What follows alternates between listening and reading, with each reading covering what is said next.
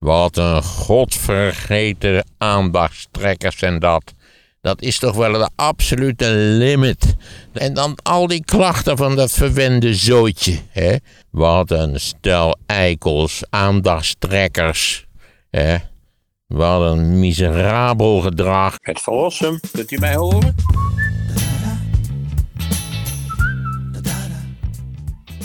Maar één handschoen. Je hebt maar één handschoen. Dat- Die kun je in ieder geval dan aandoen in de hand waar je die hele koude microfoon mee vasthoudt. Ja.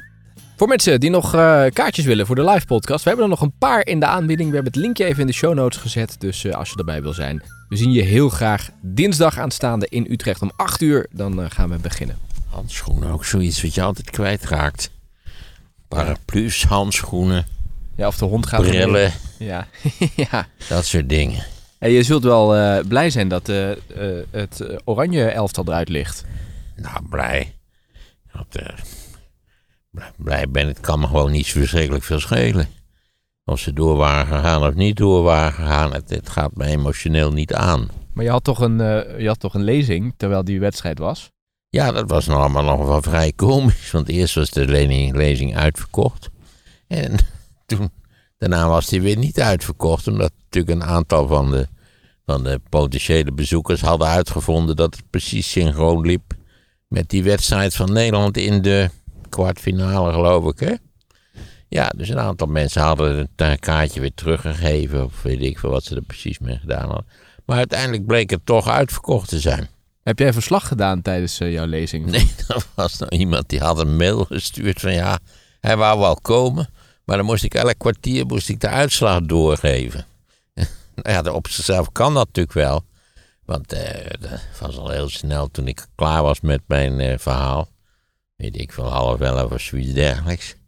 Eh, riep er direct iemand, toen was het ook 2-2 als ik geworden. Ja, klopt. En daarna, nou ja, zijn we dus met strafschoppen zijn we dus eh, de pineut geworden. Ja, die strafschoppen, dat is natuurlijk gewoon een soort een lood. Je kunt net goed loodjes trekken aan het eind. Dat is in feite hetzelfde. Het, het komt steeds neer op strafschoppen. Nou ja, dat is een kwestie van geluk. Ja.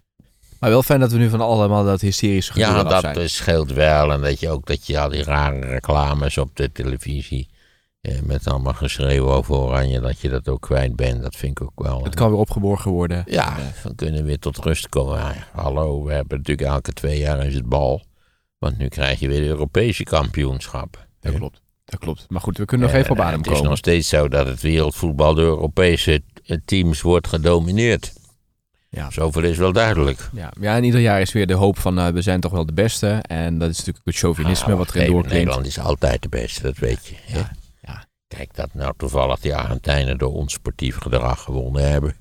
En misschien dat het gras ook iets te kort of iets te lang was, daar ben ik En de scheidsrechter was natuurlijk partijdig. Maar sowieso een hele slechte scheidsrechter. Als het echt die, Messi ook buitengewoon onsportief. Nou, kortom, natuurlijk zijn wij de beste. Maar ja, we worden vaak gedwarsboomd door kinderachtig gedoe. Hè? Dat weet je. Het is een topteam. Er is nooit zo'n geweldig voetbalteam geweest als dit. Maar ja, het zat even niet mee. Ja. In principe zijn wij altijd wereldkampioen. Ik heb nog even zitten kijken naar die eh, documentaire van eh, Meghan en Harry, die nu op Netflix staat, voordat ik hier naartoe kwam. Ja, daar raak je bij mij een gevoelige snaar. Wat een godvergeten aandachtstrekkers en dat. Dat is toch wel de absolute limit. Dat je een hele filmserie maakt over hoe erg het is van de paparazzi. En dat ze achtervolgd worden. En dat ze uit. Nou, het is verschrikkelijk. En ook die, gedrag van die koninklijke familie. Dat deugt ook voor geen meter. En vervolgens niet waar. Laat, maak je voor. Ik, als, ik, als ik het goed heb gelezen. Wordt 13 miljoen een Netflix documentaire. Waar geen greintje nieuws in zit. En wat gewoon pure 100% aandachtstrekkerij is. Het is hetzelfde als die, die, die, die bekende Nederlanders die, die altijd klagen over, over de aandacht die ze krijgen, maar die ze organiseren ze zelf. En dit is weer precies zo'n voorbeeld. Hè. Deze lui, die zijn, dat zijn echt gewetenloze uitbaters, niet waar, van hun eigen bekendheid. Ja, als je dit zit te kijken, dan zijn ze slachtoffer. Joh, dat- kijk, die jongen volgens mij, dat gaat nog wel, maar dat, dat die, die, die, die Dice, want dat is het, hè. Het is dan ook, gaat alles maar weer over die moeder natuurlijk, hè. Di, de bekende bezuster van moeder Teresa. De geschiedenis herhaalt zich, zeggen ze. Nou ja, ja, de geschiedenis herhalen. Hoe komt dat? Omdat ze zelf de geschiedenis herhalen. Dat, zal je, dat, dat, haalt, dat haalt je de koekoek. Wat een stel eikels, aandachtstrekkers. Hè? Wat een miserabel gedrag. Eerst al bij die opera, die hele poppenkast. En nu deze voor 13 miljoen, begreep ik, is dit gemaakt. Ik ben nog niet van plan er nog niet een fractie van een seconde naar te kijken. Maar ze hebben natuurlijk helemaal niet de gelegenheid om hun verhaal een keer te vertellen. En nu kunnen ze het wel een Hun keer... verhaal, we hebben God beter het al urenlang naar dat... En dan al die klachten van dat verwende zootje. Hè? Die mensen leiden een luxe bestaan eerste klas. Hè? Kijk, als het allemaal zo erg is, waarom houden ze hun kop dan niet dicht? En gaan ze niet anoniem wonen in een nette villa in Mozambique? Hè? Wat een... Nou ja, dit, dit, dit is echt... Dit is echt de limit van aandachtstrekkerij. En dan klagen over het feit dat je aandacht krijgt. Ze zeggen we zitten in een gouden kooi. Eh, en we hebben constant die Ik wil best in een gouden kooi zitten. Helemaal geen probleem. Hè? In een gouden kooi. Nou goed, kennelijk hebben ze het zelf ook in snotje. Wat een gepiep. Leid je een super deluxe bestaan. En maar piepen en zeuren. Die vervelende meid. Die Megan. Het is verschrikkelijk gewoon. Die, die Harry die had nog wel wat. Vooral omdat die broer natuurlijk de grootste druiloor van de planeet is. Maar Nee, ik vind dit echt af. En dat die aandacht die daaraan bestaat. We zitten hier nu braaf in een autootje in de Frans Halstraat. over die twee godvergeten, onbenullige aandachtstrekkers te praten. Laten we er maar mee ophouden. Maar nog, toch even één stukje empathie nog. Heb je, snap je niet Geen dat- enkel. Ik heb geen, niet, nog niet een, een greintje empathie, nog niet een molecuul. Maar je snapt niet die fotograaf dat het heel vervelend is. Jij Ach, kunt je joh, dat... dat kun je heel goed maken, dat kun je heel makkelijk vermijden. Wat denk je nou? Ja, maar ze hebben constante fotografen. Als jij hier toch naar buiten komt en er liggen constant fotografen hier in de bosjes, dan word je toch niet blij. Dan Nee, dat kan mij bij A kan het me geen bal schelen. Er zijn trouwens geen bosjes, dus ik zou... Wel hele kleine fotograafjes zijn om zich hier behoorlijk te Nou, verbergen. de auto, dat doet er even Joh, dan kom je wat minder naar buiten. En sowieso, als je gewoon niks bijzonders doet, gebeurt er ook niks. Hè, dat Doos dood is gereden heeft heel handen. Dan krijgen die paparazzi altijd de schuld. Dat Dat is gewoon flauwe- weer, ja. ja, dat is gewoon flauwekul. Ze hadden een straalbezopen chauffeur. die bovendien rare middelen had geslikt. en veel te hard reed. met die stomme Mercedes. Hè? En, en die, die paparazzi wisten ze waar ze naartoe gingen. want ze gingen naar een bekend adres. Het is allemaal. laten we nou toch in godsnaam eens ophouden. Met al die mafketels, wereldwijde mafketels. Kanye West, de Kardashians. Dit misselijkmakende echtpaar. Ik vind het iets vreselijks. En er komen nog drie afleveringen. Hè? Ze hebben nu drie. Er komen nog drie. Nou, ik kan je garanderen, er komen nog wel 16 afleveringen. Allemaal gevuld met onbenulligheid tot aan de snor. Het is ook van een onbenul. Hè? Oh, vreselijk gewoon. Je kunt je er echt over opwinden. Nou, ik kan me daar enorm over opwinden. Oké. En dat die, dat die, dat, als je het zwijgen tot dood, die media werken er allemaal aan mee. Dat is het probleem. Ja, omdat het verkoopt. Dat is ook waarom die fotograaf dus Misschien moeten we wel eens een paar dingen doen die niet zo verkopen. Zou dat niet aardig zijn? Nou, Steek zoals... 13 miljoen in een nuttige documentaire ergens over. Ja. Hè? In plaats van over deze twee godvergeten verwende aanstellers. Vreselijk is het. En dat Echt ze uit dat koningshuis zijn gestapt. Dat en die broer en die, die verschrikkelijke druiloorvrouw. nog- En het is vreselijk, zo'n Hmm. koninklijk huis. Hmm. Die Elisabeth die had nog wel wat. Hè? Was in een soort hobbit veranderd, die had nog wel wat. Ja, maar je bent niet kritisch naar Charles en, eh, en de oude koningin die overleden is. eh, die kunnen toch ook dingen doen die niet zo netjes zijn? Als het aan mij lag, werden alle koninklijke huizen reeds volgende week maandag om 9 uur s ochtends opgeheven. Hè, allemaal keurige, gewone meneren die, of mevrouwen die president worden. Waar de, waar de paparazzi ook niet in de tuin liggen. Het is maar een onzin zeg. Oké, oké. Over eh, eh, idioten gesproken. In Duitsland eh, waren er deze week Ja, ook dat, dat is ook wat. behoorlijk wat idioten Ja. die daar opgepakt zijn. Jongen, jongen, jongen. Nou ja, ik krijg wel de indruk uit, van, uit de media dat het geen haartje gescheeld heeft. Niet waar? Of in Duitsland was de macht overgenomen door Adriaan de dertiende of Christian de dertiende. Ik ben nou even vergeten hoe het zit, maar Jongen, ook weer. We hadden aandacht. Ik bedoel, wat zijn nou weer operettefiguren? hè? Er stond zo'n foto van die man in een soort apenpak met zijn moeder. Het is echt van een... Ook weer. Ik kan er alleen om lachen. Ik kan, ik, dit, ik kan dit absoluut niet oh serieus nemen. Maar het doe je is het daar- operette. We hebben een hele week van operette achter de rug. We hebben natuurlijk ook nog de, eh, ook een interessant onderwerp. De, de excuses operette. Die we nu op grote schaal opvoeren. Eh, ja, want, ja, je begrijpt, excuses, zomaar excuses heb je ook geen donder aan. Moet wel een beetje, een beetje feestelijke excuses worden. Hè? Bedoel, Die koning moet wel een beetje opkomen dagen. Overal, Suriname, Bonaire, Sint Maarten, Sint Eustatius, eh, Curaçao, Aruba, denk erom. Overal een volle dag koning. Liefst ook met leuke hoedjes, alles erbij, erop en eraan. Eh, misschien kunnen ze nog een dansje maken met historische wortels, wie zal het zeggen.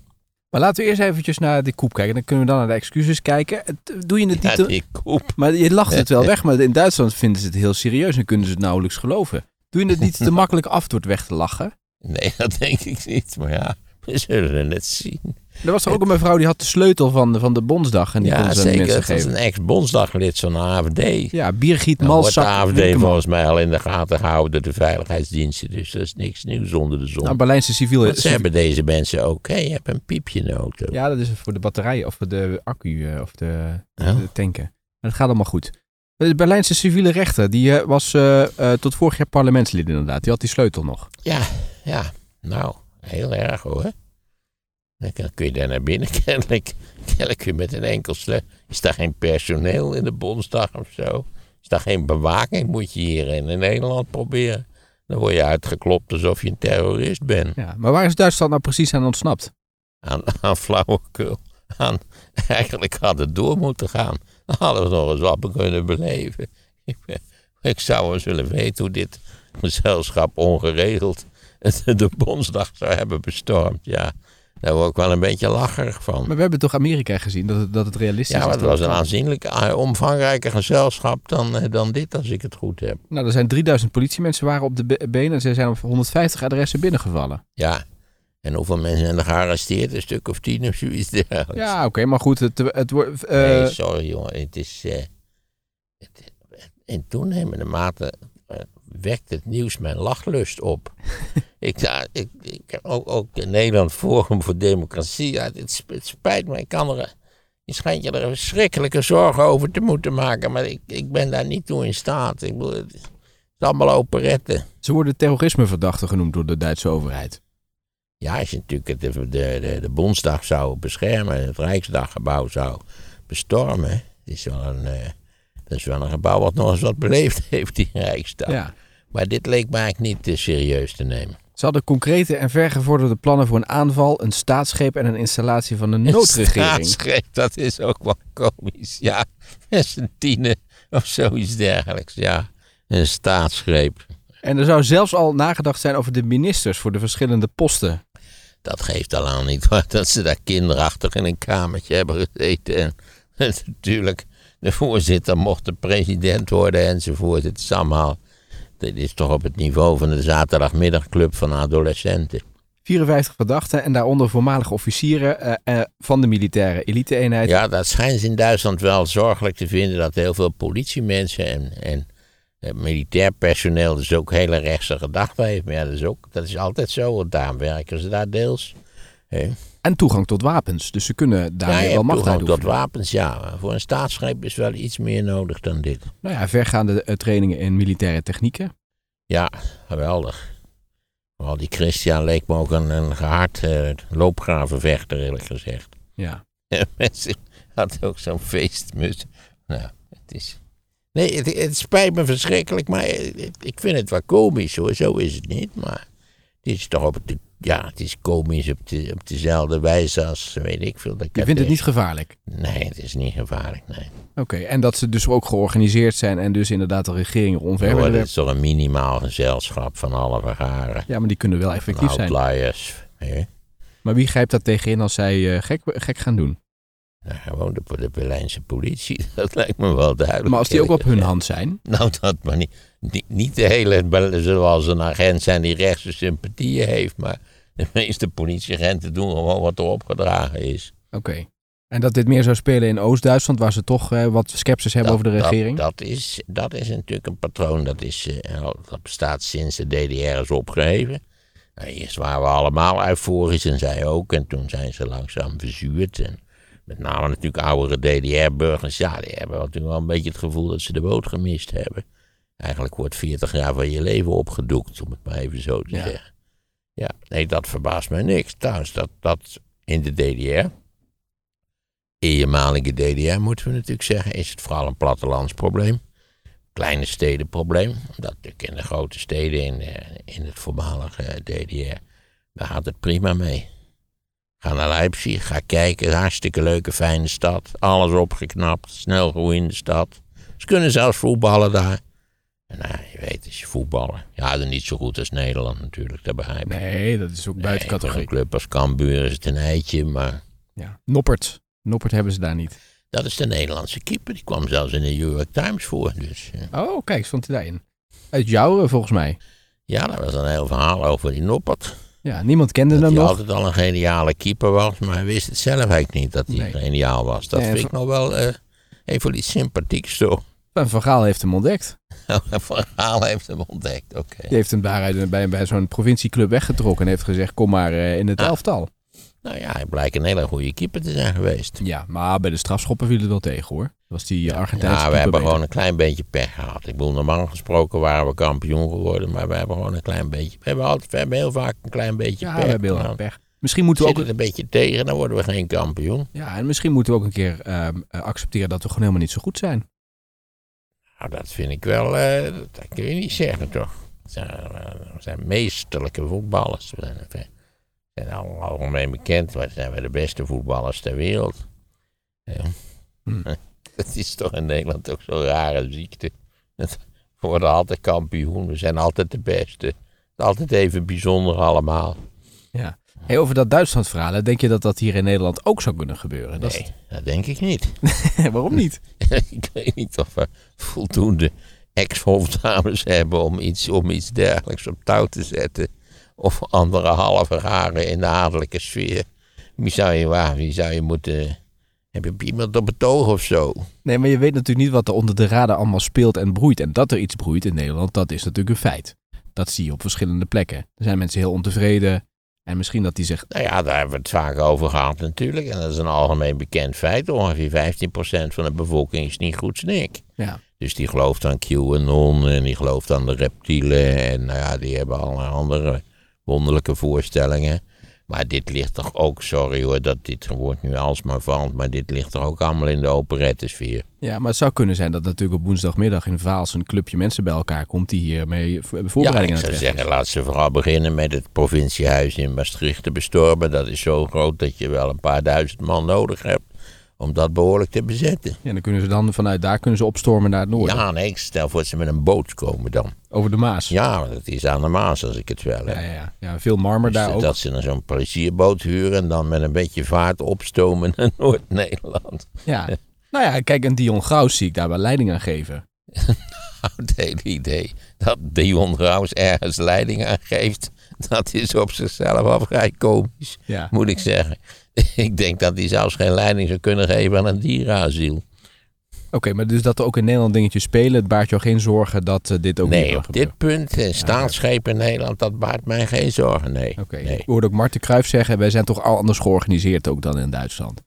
Dus jij ziet het in Duitsland al niet gebeuren, maar hij zegt in Nederland gebeurt het al helemaal Nee, joh, dat is helemaal niet aan de orde. Er kunnen allerlei heel vervelende dingen gebeuren. En politiek kunnen zich rare ontwikkelingen voordoen, maar die zijn toch allemaal binnen het op zichzelf, ja, aan sommige punten wrakke raamwerk van de democratie. Ja. Dit, dit is echt flauwekul. Heeft het nog zin om moeite te doen om deze mensen die dus ontevreden zijn aan boord te halen? Om ze, om ze Nou, nee, met Victor, hoe heet hij ook nog? Hoe heet die man nou toch? eh, Xander de dertiende of, of In Duitsland? Ja, Ja, ja die opgepakt werd, ja. Die gijzer, ja. nee, dat lijkt mij niet... eh, Die is zo gek, die, die ja, neemt niks nee, aan. Nee, god, ik denk dat de, de media, die staan natuurlijk te popelen om ook... eh, daar komt hier natuurlijk een mooie rechtszaak van. En dan gaat hij natuurlijk allerlei gekke dingen verklaren. Dat voel je wel aan je water. Ja. Nou ja, in Amerika zijn ze ook druk bezig om toch al die lui van, eh, van 6 januari, om die, eh, om die te vervolgen en te veroordelen. ja, er kan natuurlijk ook een, een, een rolfunctie uitgaan naar andere mensen die denken, wat een goed idee. Dat gaan wij ook doen. Ja, dat zou kunnen. En ja, nogmaals, als je er even vanuit gaat dat 15% van de bevolking niet goed snik is, dan, dan heb je al van een reservoir. Ja, Maar of mensen bereid zijn om, om hun, hun, hun hobbykamer in Boskoop te verlaten, om dan zeker met deze gruwelijke kou een aanslag te gaan plegen op. eh, nou ja, waar zouden ze. Ze moeten er nu wel opletten dat de Tweede Kamer verhuisd is. Hè? dat is niet het oude adres. eh, Ja, de eerste tijd op de Binnenhof en dan zijn ze vertrokken. Ja, oké. Nou, goed voor mensen die dan hier naar luisteren, dat idee smeden. Dus zoek even het goede adres op. De boeren, denk ik aan, die kunnen natuurlijk wel wat eh, teweeg brengen met hun Oh, tractoren. die boeren die, die zijn niet gek. Die boeren die zijn, eh, ik, heb- ik weet niet of je die uitkoopbedragen hebt gezien. Die zijn lang niet, dat, dat in feite is de, is de boerenbusiness natuurlijk een, een vrij grootschalige financiële business. Ja, Eh, die die kunnen de de op zijn laatste personen die, die, die een opstand gaan organiseren zijn boeren. Want als je de Nederlandse overheid wegjaagt, dan word je niet meer uitgekocht. Dus dan, eh, oh, zo bedoel je. Ja, maar ze, kunnen, ze hebben wel de macht, dat hebben we deze zomer gezien, om de boel te ontregelen. Want de politie ja, kan er met niet die tegen. trekkers. Maar dat komt vooral omdat, eh, dat de overheid voortdurend eh, ja, dacht van, oh jee, gaat vanzelf wel weer over. We kijken gewoon een tijdje de andere kant op. Hè. Doe het even voor, dames en heren. Kijk even de andere kant op. Dan gaat het vanzelf wel, wel weg. En, en tenslotte bleken zo eens met Prinsjesdag die dingen prima weg te kunnen slepen, die tractoren. Oké. En maar dan over die 15%, je moet dus gewoon aannemen dat ze er zijn. En je hoeft als politicus Ja, niks te het doen. is een flexibel, het is niet precies 15% Nee, maar- maar... uit veel onderzoek blijkt dat een aantal mensen in Nederland gewoon niet goed niks zijn. Ja, Ja. Ja. wat moet je ermee? Maar je zou kunnen zeggen dat je als politicus de ambitie hebt om die mensen ook aan boord te halen. Eh, jij zegt dat ja, moet je dat niet kun je proberen. proberen, maar of het lukt, ik denk het niet. Want dat zijn dus, ja, dat zijn, dat zijn lui die afgehaakt zijn. En dan kunnen mensen om allerlei redenen afhaken. En niet alle afhakers hoeven natuurlijk mensen te zijn die wonderlijke ideeën hebben over de, de reptiele dictatuur, zal ik maar even zeggen. Het kan ook gewoon, ik, ik ken alleen maar zeggen, Piet Vroon, die zei altijd, ik stem nooit. Vond, vond het wel flauwekul. Ja, Wie is dat? Vind, ja, dat is een kennis van mij die ook Oh, die is niet bekend. geleden hoogleraar in de psychologie in Utrecht was. Hij leeft nog. Nee, Piet Oh. is al lang dood. Ja, waarom niet? niet maar goed, omdat het een, een kennis van mij was die altijd zei dat stemmen van een flauwekul. En dan probeer je mensen nog te uit te leggen dat dat geen flauwekul is. En dat als iedereen zou denken dat dit is flauwekul, dan hebben we dus geen mensen. Dan heb je nog maar één persoon in Nederland die stemt. Dat ben ik. Op zichzelf. Natuurlijk een zegenrijke ontwikkeling. Maar op zichzelf eh, is dat wel het einde van de democratie. Maar ken je mensen die behoren tot die 15% die wel nog leven? Die zeggen van nou, de regering doet Nee, niks. maar die doen enkele malen zijn er wel mensen die met mij in gesprek willen over die wonderlijke ideeën die ze erop nahouden over hoe de wereld werkelijk in elkaar zit. Maar dat, dat, die, gesprekken zijn ook zinloos. Dat is ja, het, heeft geen zin om met gekken te praten. Nee, nou, ik vind nog altijd dat voorbeeld van Floortje Dessing, heb ik jou volgens mij een keer verteld. Dat haar broer, Ja, dat die ja, dus die- familieruzie hebben, omdat die broer je, bij de... je voelt ook wel hoe dat komt. ja. Voor de mensen, de, die broer zit bij de Floortje Dessing zijn. Die, die Floortje Dessing is wereldberoemd. Echt letterlijk wereldberoemd. Die wordt, eh, waar ze ook eh, in de bergen van Patagonië tevoorschijn komt, wordt ze met gejuich ingehaald. En zo'n broer, die, die, nou ja, die heeft zich natuurlijk zijn hele leven als de verliezer gezien. Ja, die zit bij Forum voor Democratie voor de Duik, Mijn de, Eerste is- Kamer. Mijn zuster is beroemd. Dat is natuurlijk een rampzalige toestand. Als je zelf ook ambities hebt. Hij is kennelijk dus niet trots op zijn zuster. Hij is jaloers op zijn zuster. En dus denkt hij, wat kan ik in godsnaam doen om, om ook aandacht te trekken? ja, aandacht, dat is het. In deze wereld is aandacht het fijnste wat je kunt hebben. Ja. En dus geeft hij nu leiding aan eh, de Eerste Kamerfractie van Forum voor Democratie. en dat is natuurlijk het, eh, het, het, hele andere Is daar nog iets van over? Ik bedoel, is hij daar in zijn eentje of zo? Of zijn er nog twee? Of, Zitten er niet meer veel. nee. Dus dat zal wel, ook tijdens de komende verkiezingen, zal daar wel eh, gehakt van gemaakt worden. Ik denk dat die stem allemaal naar, hoe heet dat, jaar 21 gaat. Ja. Of naar de BBB. Nou, precies dat laatste, denk ik. We hebben natuurlijk elke vier jaar zo'n nieuwe paddenstoel in de tuin. Ja, Ja, en nu zit de BBB, mevrouw. ja, dat is nu de BBB, mevrouw. Ik ben heel benieuwd wie het over vier jaar is. Want de BBB-mevrouw heeft natuurlijk ook weer zo'n fractie met, met nou ja, vol met mensen, aantal strekkers, beroeren van bekende personen. Gekkies, waar je niet op 12, kunt bouwen. eh, 13, hoe is het ook alweer? 12 ambachten, 13 ongelukken. Mensen die proberen nog iets van hun leven te bakken door. Ja, ik herinner mij altijd. Dat was ten tijde van die reusachtige overwinning van Forum bij Provinciale Staten de laatste maal. En toen eh, was de, eh, voor, de, voor de media. eh, werd er een interviewtje gedaan met een nieuwe fractie van, die dan Forum zou gaan vertegenwoordigen in de Flevopolder. En dat was wel een vrij komische vertoning. Ja. En mensen werden van, wat gaat u nou doen? Wat is zo uw programma? Nou, ze hadden eigenlijk niet de flauwste idee. Er stond een groepje bedremmelde randenbielen bij elkaar.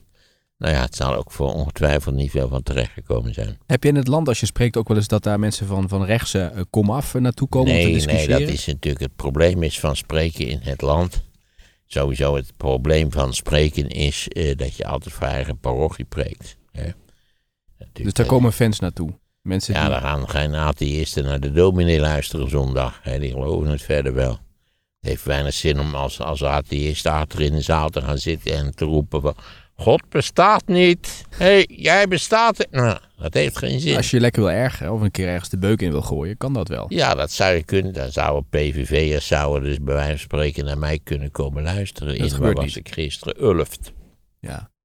Maar dat is nog nooit Leuk zaaltje trouwens. Ja? Ja, leuk. Oké, Oké. Precies het ideale theaterzaaltje. Zo'n 400 man, vlakke vloertheater. Prima de luxe. Oké, 400 dat vind je een goed aantal. Ja, vind ik een mooi aantal, ja. Ja. ja. Ja. En ik moet zeggen dat het is, ik heb volgens mij al een keer eerder hebben het erover gehad. Volgens mij door de podcast trek ik ook wel een tikkeltje ander publiek. Meer jongeren, denk ik Ja, dan. precies, Ja. meer jongeren. Ja, er luisteren veel studenten. Ik heb trouwens een hele stapel met allemaal mensen die zich hebben aangemeld om eh, voor jou eh, chauffeur te willen spelen. En, Zo, zo, zo. en sommigen doen inderdaad een, een pak aan en, en een muts op of een, of een pet op. Dat, Dus- hoeft, dat hoeft bij mij niet. Ik vind het ontzettend sympathiek dat zij zich aanbieden. Maar ik heb een geweldige chauffeur en ik heb een geweldige remplaçant chauffeur. Dus voorlopig eh, laten we, we houden deze lijsten in de map. Maar voorlopig heb ik ze niet nodig. En er is ook nog iemand die vroeg, ja, u, u zegt eh, dat de persoon vooral rustig moet rijden. Moet ik dan ook een soort van examen doen voordat ik toegelaten word? Nou, dat hoeft niet. Ik, ga gewoon in het geval dat, nogal theoretisch is dit, eh, ja, dan maak je een ritje. Je, je merkt onmiddellijk of iemand rustig kan rijden, ja of nee. Je hebt je boel, ja, ga, ga, dat weet je zelf. Als je deelneemt aan het Nederlandse verkeer, dat ook daar geldt, wat zal het zijn, een procent of tien, niet goed niks is. Nee. Niet waar je s'avonds voorbij komt met 160 of zo. Of van die lui die met enorme snelheid passeren en dan 100 meter verder de afslag nemen. Eh, mensen die met, met gigantische snelheden op rode stoplichten aanrijden. En dan op het laatste moment er volop op de rem. Dat je ook denkt, wat een, wat een zonderlinge mensen heb je toch. dus als je dat allemaal doet, hoef je niet te reageren. Nee, dan hoef je echt niet te reageren. Nee, ik ben ervan overtuigd dat als de Nederlandse mo- automobilisten allemaal, om wat voor geheimzinnige reden dan ook, iets meer zouden letten op zuinig rijden. Ik schat dat je heel hard 20% zou kunnen bezuinigen op het totale benzinegebruik in Nederland. Dat denk ik ook wel, ja. Ja, het schijnt ook dat je je banden goed moet oppompen en dat soort dingen. Ja, dat is wel, hè, je moet wel even dat metertje letten, dat is wel waar. Heel irritant. Ik vind het enorm vervelend om die dingen op te pompen. Maar... Moet je naar zo'n tankstation, moet je op zo'n ding... Ja, precies. En dan, ja, 1.8 en dan moet je dat ding erop zetten. nou 1,8 is niet veel. Ik heb 2,5. 2.5, ja. Het ligt aan hoeveel mensen je in de auto hebt zitten, volgens mij. Nee, het is altijd 2,5. Ja, bij iedere auto. Ja, dat, dat metertje bij mij is zo gevoelig. Dat, dat dus als het 2,3 is, dan, dan, dan gaat hij al branden. ja. En dan heb je het merkwaardige verschijnsel. Dan ga je rijden, waardoor die banden warmer worden, spanning oploopt, dan gaat het lampje weer uit. ja. Maar dan moet je toch En dit doe je allemaal zelf, dit laat je niet doen. Nee joh, ik word er altijd bij geholpen door allerlei vriendelijke mensen. Want je moet een eh, 50 cent in, eh, erin gooien. En voor je het weet is die stilt weer op bij die limiet die je hebt. Want je moet dan binnen vijf minuten die Ja, vreselijk. En dan moet je die dingetjes eraf draaien. joh, hou erover. Ik verschrikkelijk. Laten we dan even iets anders doen. De excuses nog, want dat vond je ook een operette. Ja, wat een openret is dat ook geworden. Ja, het is verschrikkelijk dat ik eigenlijk een groot deel van het wereldnieuws dat ik daar een beetje lacherig van word. Ja, ik dacht, zou er nog iets serieus Maar zijn? wat vond je hier lachen gaan dan? Want die mensen die dat aangaat vinden dit heel serieus. Ja, die vinden het ontzettend serieus. En, eh, en daarom vind ik ook al die klachten. Het moet ook op een bepaalde dag. En op een bepaalde manier. En, ze En de witte die, man moeten doen. Die weerwind, die willen ze al helemaal niet zien. Dat is Eh, een van ons, zeggen ze. Ja, precies. Iemand die zelf zwart is. Dat, nou ja, volgens mij is die helemaal niet zwart. Nou ja, dan hebben we weer dat gedoe van wat zwart eigenlijk is. Maar goed, de weerwind is, daar zijn ze niet tevreden mee. Dus ze willen de koning. Maar dat is op zich wel te snappen, toch? Dat je niet iemand van, van zeg maar, van je denkt, die hoort bij ons, Wat dat die excuus... uit? Ik bedoel, het is, eh, het, het is een helemaal symbolische exercitie waarbij weerwind in dit geval niet waar eh, de opdracht heeft namens de Nederlandse natie excuses te maken. Hè, als stuurden ze jou of mij, dat, dat, dat, dat, het gaat erom dat ik op dat moment de symbolische figuur ben die excuses maakt namens de Nederlandse natie. Ja, ik zag jou nou wel genoemd worden. Van, kunnen we Maarten Rossum niet sturen naar die Ja, eilanden? maar kijk, dat is een geweldig idee natuurlijk. En dat zou ik uitleggen dat ik er helemaal geen voorstander van ben. En dat het heel wat nuttiger is om ons geld en aandacht te geven aan discriminatie nu. Of zelfs slavernij. Dat heet niet meer zo, maar we weten allemaal Qatar? dat op tal van plaatsen in de wereld natuurlijk sprake is van moderne slavernij. Laten we daar in godsnaam iets aan doen. Ja. En die datum, dat daar dus discussie over is, dat ze zeggen 19 december, dat is niet de Ja, goede ja datum. ik, ik over die data, dat is net als met Sinterklaas. Moet je dat nou op 4 december, Sinterklaasavond, of is juist 5 december al Sinterklaasavond?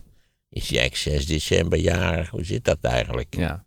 Je weet dat de kerstman, de Engelse kerstman, dat, die, dat dat precies dezelfde figuur is. Ik heb ook nooit goed begrepen waarom dat een maand is opgeschoven.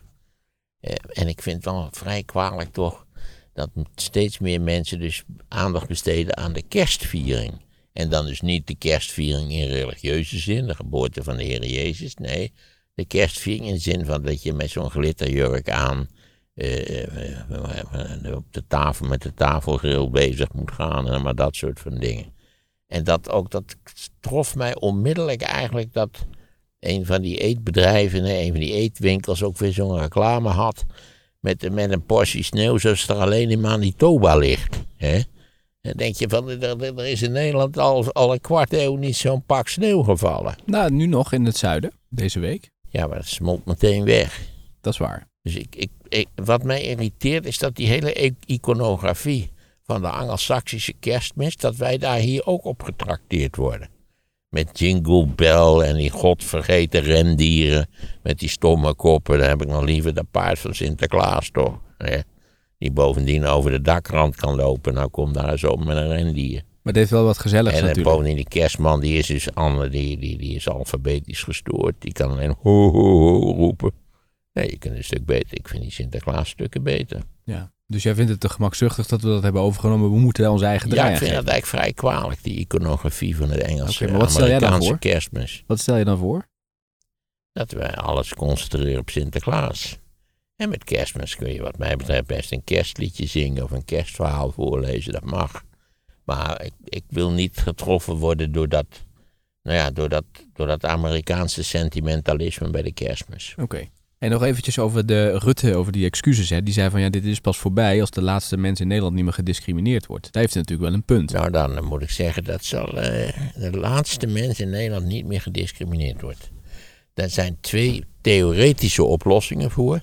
Namelijk dat er niemand meer woont in Nederland. Dat is een mogelijkheid natuurlijk, want dan kun je ook niemand meer discrimineren. En er is natuurlijk de mogelijkheid dat we allemaal eh, een kloon zijn van, van, van één oorspronkelijke persoon. Ja. Maar zelfs dan, ik weet niet of dat bij één eigen tweelingen is. Denk je dat bij één eigen tweelingen wel eens één van de tweelingen wordt gediscrimineerd door de ander of niet? Dat zou best kunnen. Ja, Dat is theoretisch mogelijk. Dan, dan in dat geval is er dus maar één theoretische oplossing voor dit probleem. Namelijk dat Nederland volledig vrij wordt gemaakt van menselijke bewoning. Oké, dus grote lulkoek van Rutte. Ja, dit lijkt mij typisch iets dat waar de historicus Rutte eh, zich eigenlijk voor zou moeten schamen. Want daar heeft hij natuurlijk geen moment over nagedacht, dat begrijp je wel. Nee. En, Het is natuurlijk politiek correct om te zeggen dat we het volledig gaan uitroeien. Ja. Elke vorm van discriminatie.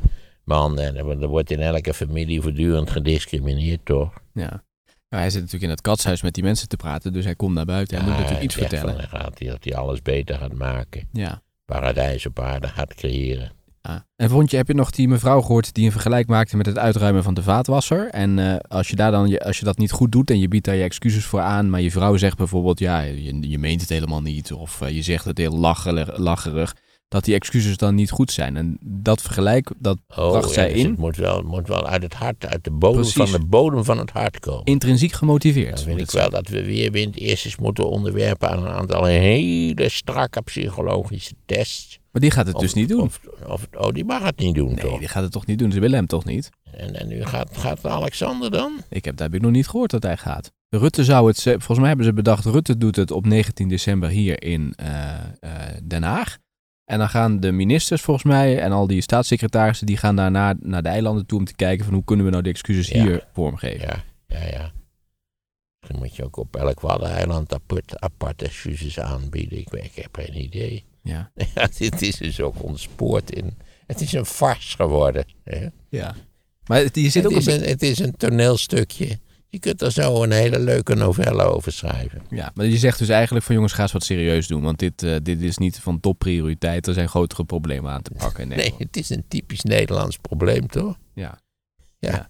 Net als Matthijs van Nieuwkerk. De excuses. Het is, het is een stapeling van operette-achtige situaties. Oké, oké. Nou ja, misschien vinden de mensen Matthijs van Nieuwkerk wel heel, heel, heel, heel, heel, heel, heel, heel erg. Dat ik heb geen idee. Het is alweer overgewaaid, hè? Nou, het is vervelend en het moet onderzocht worden. Maar oké, ook dat is iets wat Ja. waarschijnlijk de boze chef, de chef die eigenlijk op zijn tenen loopt, die het eigenlijk niet helemaal aan kan, die wel goed is, maar de, de, de- de Ja. echte greep niet, niet in zijn hoofd Maar heeft zitten. ik, ik sprak vorige week een eh, redacteur die dat dus heeft meegemaakt bij de Wereld Door. Die is ook weggegaan omdat dit niet, eh, hij, hij hield het niet vol. En hij zegt, ik heb dat stuk wel als helend ervaren. Oh, nou ja, kijk, ook ja, een soort, soort eh, excuses eigenlijk. Ja, dat is ook, zou je het kunnen zeggen, ja. Aha. Nou ja, hij is in ieder geval weggegaan, dat viert hem. Hij is niet blijven zitten. ja hij is daarna weer teruggevraagd Ja, door Matthijs, je hebt die wonderlijke arbeidsomstandigheden bij de media. En maar al die kortlopende komt, hup, contractjes. Ja, ja. Hè? Dus Matthijs van Nieuwkerk die met zo'n voederpoppetje hier eh, zit, dat jij met, met dat water aan het knoeien bent. ja, dat is het. Ja. Dat ligt allemaal aan. Want Matthijs zit nu in een, in een boerderijtje in het oosten van het land, hè? als een Ja. kluizenaar, begreep Ik ik. hoop dat hij een fijn uitzicht heeft. Dat hij nog eens nadenkt over zichzelf. Altijd nuttig natuurlijk. Denk je dat hij terugkomt? Ik vermoed van wel. Ja, na, na enig. En, ja, ik, denk dat hij op een goed moment wel weer, zij via de achterdeur, als adviseur bij een programma, je kunt je er van alles bij voorstellen. Omdat het natuurlijk iedereen zei dat hij weliswaar een geweldige programmamaker was, maar vaak slecht gehubeurd. Ja, geweldige presentator. Ja, ja. oké.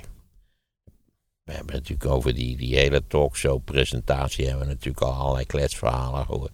Dat gelul dat duurt nou toch al jaren, wie dat het beste doet. En hoe moeilijk het eigenlijk wel niet is om gewoon een gesprek te voeren... met zes mensen die niet randebiel zijn aan een tafel. En nou ja, dat het nog niet meevalt om met zo'n zanger... Nou ja, enzovoort, enzovoort. Allemaal een beetje... We hebben het toch ook al wel eens gezegd dat, natuurlijk, dat als, als de media ergens aan leiden, dan is het aan zelfoverschatting. Dinsdag is de live podcast. Eh, er zijn ook mensen of die zich afvragen of je naast Amerika nog iets kunt vertellen over het afgelopen jaar. Of je daar nog wat, wat hoofd, hoogtepunten uit Ah, gedaan een soort van, een soort van, op die manier wordt het een soort eh, oud, oud jaar. Nou, God, ja. Dan moet ik, me- moet ik me herinneren wat er dit jaar allemaal gebeurd is. Ja, mensen kunnen even wat dingen insturen en dan kunnen we daar even wat dingen van aanstippen. Dus als, als ze een leuk ideetje hebben, hè, liever niet over Harry en zijn echtgenoot. Daar gaan we niets over zeggen. hebben we al gedaan nu, hè? Misschien kunt u in principe elke vorm van, van mededeling over koninklijke huizen, eh, bekende Nederlanders, eh, bekende wereldburgers eh, vermijden. Behalve wanneer ze daadwerkelijk iets gepresteerd hebben wat van belang is. Ja. En het gekke is, hoe beroemder ze zijn, hoe minder ze gepresteerd hebben. Ja. Die Harry en die Meghan hebben nooit iets van enige betekenis gepresteerd. Nou, ze zullen zelf zeggen, we hebben in ontwikkelingslanden hebben we werk gedaan, hè? Net zoals Lady Di zelf Ja, dat kan ik ook, ja. Ja. Aangevlogen met, met zo'n Learjet en dan met twee, met een, een auto-escorte van de, kom op. Kom op joh, dat is een heel ander leven dan normale mensen leiden. En vergeet niet uh, kaartjes te bestellen als je er nog bij wil zijn bij de live podcast dinsdag aanstaande in Utrecht. Heel graag tot dan. Het linkje in de show notes. Wat een stel eikels, aandachtstrekkers.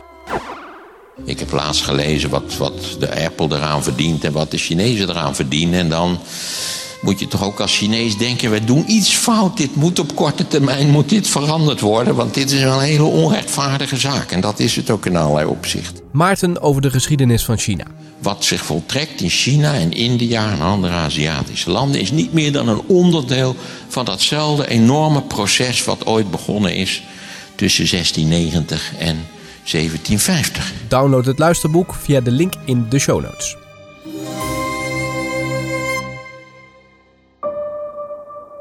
We hebben met z'n allen een chronisch tekort aan slaap en dat zorgt voor veel conflicten thuis, maar zeker ook op het werk.